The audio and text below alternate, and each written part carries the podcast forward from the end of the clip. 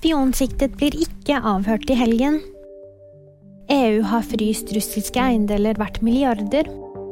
Og Filippinene nedjusterer dødstallet etter storm. Den spionsiktede gjesteforeleseren vil ikke bli avhørt i helgen. Det opplyser forsvareren hans. Til NTB sier hun at avhør forhåpentligvis blir til uken.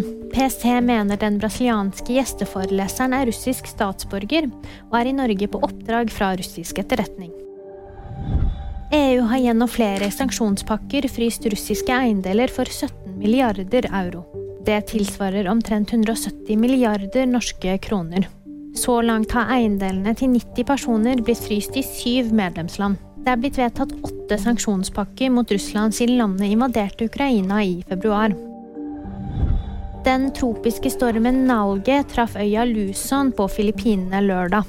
Stormen utløste oversvømmelser og jordskred, og innen lørdag morgen var det registrert 45 døde, 15 savnet og 31 skadde.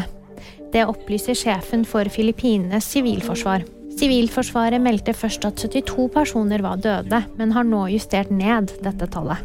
Og VG-nyhetene de fikk det av meg, Clement Britt Gahr.